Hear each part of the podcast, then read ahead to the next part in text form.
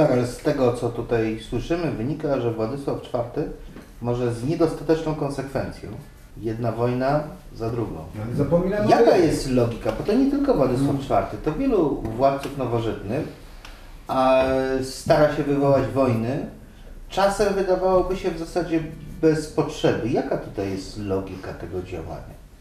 Czy to jest dążenie do sławy, czy może w przypadku szczególnie Władysława IV jest to jakaś próba dokonania reformy wojskowej, czegoś takiego, czego w czasach pokoju nie można było dokonać? Na pewno jest to pewna próba wzmocnienia władzy monarszej, ale zakończyła się ona jak wiemy totalną klęską na wszystkich polach. Bo wręcz odwrotnie w wyniku Sejmu Pacyfikacyjnego 1946 roku grudniowego ograniczono w wielu miejscach kompetencje władzy monarszej. Y, Natomiast no, znowu o jednej rzeczy zapominamy, że to nie jest Rzeczpospolita monarchią absolutną, tylko że za każdymi działaniami wojennymi idą pieniądze i to ogromne pieniądze, które musi dać szlachta na Sejm, musi je ustanowić, te podatki.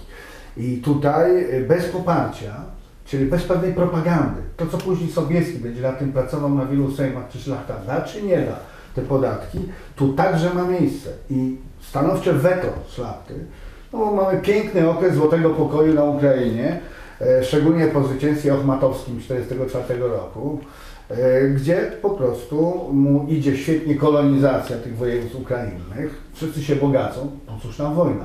I próba jest prowokacji. Prowokacji zastosowana przez Władysława. Tym realizatorem tej prowokacji jest oczywiście hetman e, Wielki Korony Stanisław Koniec Polski. Jeśli nie ma zgody na wojnę z Turcją, to ją wywołajmy pośrednio z Hanatem, ale poprzez wtargnięcie Tatarów w granice Rzeczpospolitej.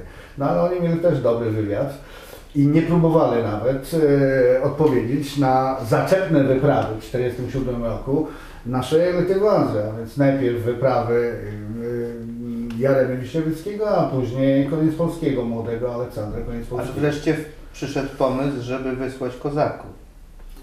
To oczywiście, ale to już mówimy już o pokłosiu tych planów e, Władysławowych, kiedy okazuje się, że Chmielnicki, który był wprowadzony w tajne plany e, króla, e, historycy to już udowodnili, że brał udział w wielu tajnych, e, tajnych konferencjach na dworze, zresztą wprowadzonych było zaledwie kilka osób Rzeczypospolitej w tej plany wojny tureckiej, a później oczywiście przeciwko Hanatowi, no to wiemy doskonale, co wynikło z ucieczki na Sicz.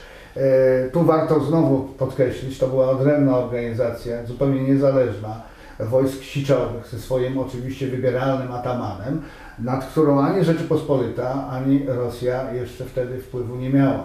Natomiast e, przeciągnięcie na swoją stronę później kozaków e, rejestrowych, przy pomocy oczywiście Tuchajbeja słanego przez Hana, no zaowocowało, zaowocowało powstaniem największym w dziejach Ukrainy, powstaniem Chmielnickiego, z którym my sami nie mogliśmy dać sobie rady, yy, nie implikując, że yy, była to wojna domowa de facto, chociaż inaczej niż oceniana przez historiografię ukraińską. No właśnie i te wydarzenia, straszne paroksyzmy lat 1648-1660 a wstrząsnęły Rzeczą Jest taka teza Zbigniewa Wójcika, że o ile jeszcze w pierwszej połowie XVII wieku Rzeczpospolita była podmiotem polityki zagranicznej w Europie Środkowej i Wschodniej, o tyle po 1660 roku stała się jej przedmiotem. Jeśli chodzi o straszliwe zniszczenia. Te straszliwe zniszczenia dotknęły też w bardzo dużym stopniu, dotknęły całego kraju, ale w bardzo dużym stopniu dotknęły e, kresów południowo-wschodnich, a więc właśnie samej Ukrainy. E, oczywiście to też oznacza te właściwie wydarzenia lat 60. A to jest ostatnie starcie takie między Polską a Rosją o panowanie na Ukrainie, które się kończy rozejmem andruszowskim w roku 1667. Może nie tyle utratą Ukrainy jako całości, ale podziałem jej. To znaczy na teren na wschód od Dniepru i na zachód od Dniepru. Ta część na zachód od Dniepru jest w rękach Rzeczypospolitej, całkowicie spustoszona. Tutaj jest taki hetman, który się nazywa Doroszenko, który wprowadza znowu do polityki polskiej czynnik turecki. Jak to jest Doroszenko? Na co on liczy? Kosacy mieli jak zawsze dylemat z kim trzymać. Ta linia e, prezentowana przez Chmielnickiego szukania miejsca dla samodzielnego państwa kozackiego między Stambułem, Warszawą a Moskwą no była trudna do realizacji, E, ale próbował e, tej polityki także jego następca Iwan Wychowski em, z wiadomo jakim skutkiem E, i następcy także wracali do tej idei, bo wiemy, że już mamy w tym momencie przy podziale tej Ukrainy hetmanów lewo i prawobrzeża, a więc jednych związanych z Rzeczpospolitą, drugich współpracujących z Ro- Rosją. E, Piotr Doroszenko, który przerzucał się, to stara koncepcja Chmielnickiego współpracy z każdym dla odbudowy wielkiej władzy hetmana wojsk zaporowskich obu, po obu stronach Dniepru, uznał, że skoro nie może się domówić z Rzeczypospolitą, choćby z tego względu, że próbował to zrobić sam Sobieski, nasz główny bohater dzisiejszego spotkania, ale niestety Michał e, e, Wiśniowiecki, e, Michał Korybut-Wiśniowiecki postawił na Hanenkę, e, co jakby rzuciło w objęcia, e, w objęcia Turcji pośrednio e, Doroszenkę, który także przecież e, współpracował, e, początkowo współpracował i nie odrzucał koncepcji współpracy z Rosją. E, No i nakłada się to jeszcze jedna kwestia, wojna e, Turcji z Rosją, e, która będzie trwała do roku aż 1681 do zawarcia traktatu.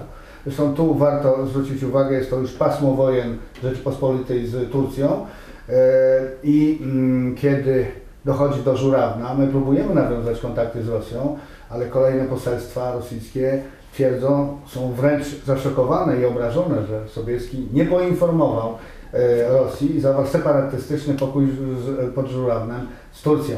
E, Oczywiście to była także gra dyplomatyczna, e, bo e, sam e, Sobieski już jako monarcha Rzeczypospolitej starał się Rosję wciągnąć do tej koalicji antytureckiej. Ale mówimy już zupełnie o innym okresie, bo zapominamy, że mamy rzeczywiście już działania zbrojne w województwach Ukrainy z Hanatem od 1667 roku, natomiast e, wojna z Turcją to dopiero rok 1672, kiedy aktywnie właśnie. włącza się w ten wir walki. No Tu możemy wrócić do Doroszenki. Y, Ten 67 rok to jest bardzo ważna data, ponieważ Kozacy y, drugi raz, od pierwszy raz Chmielnicki próbował, próbują postawić na Stambuł.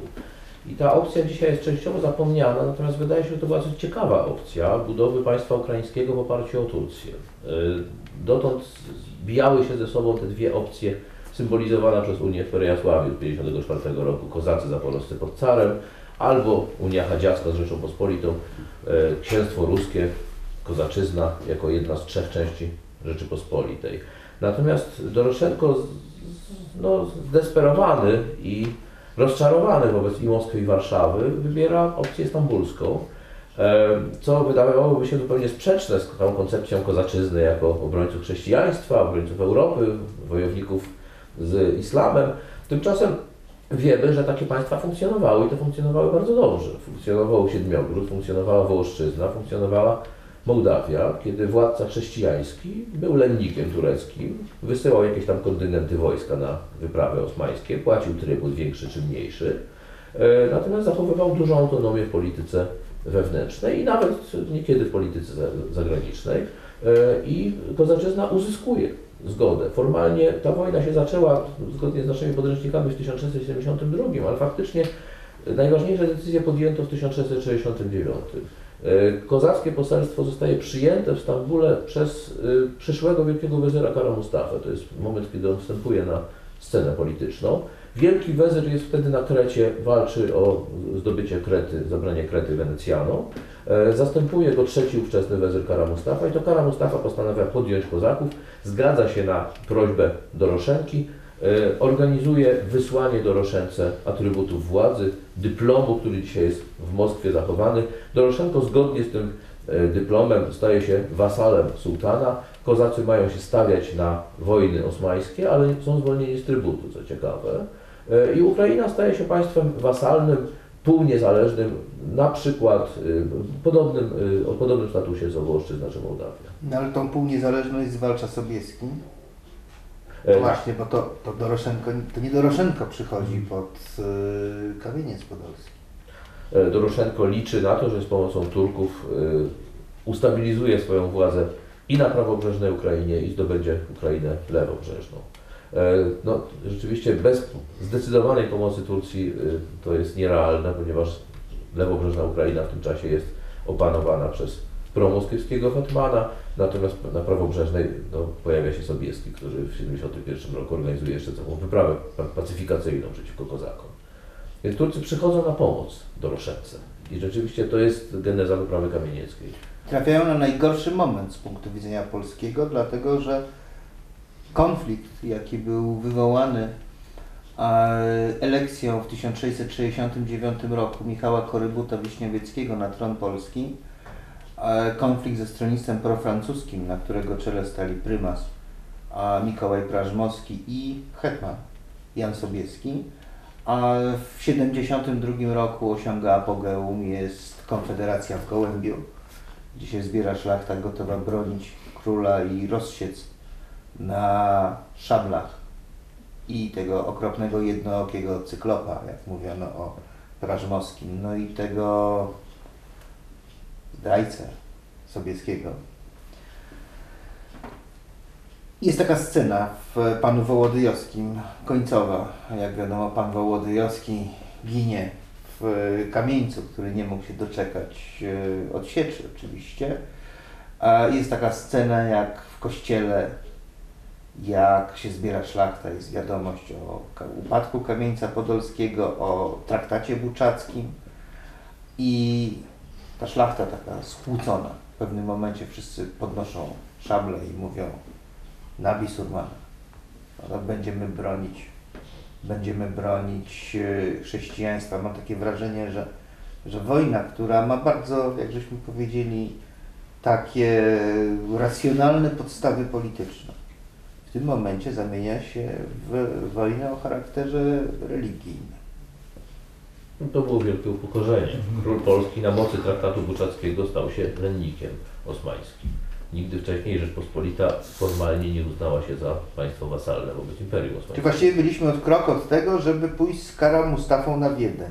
E, No, właściwie tak. E, Król Polski miał właśnie na początku listopada, tak jak inni, tak jak chłopi osmańscy, miał płacić trybut rokrocznie. No wiemy, że w 1973 roku zamiast wysłać trybut poszły wojska no, pod Chocim, ale przez rok formalnie Rzeczpospolita była trybutariuszem.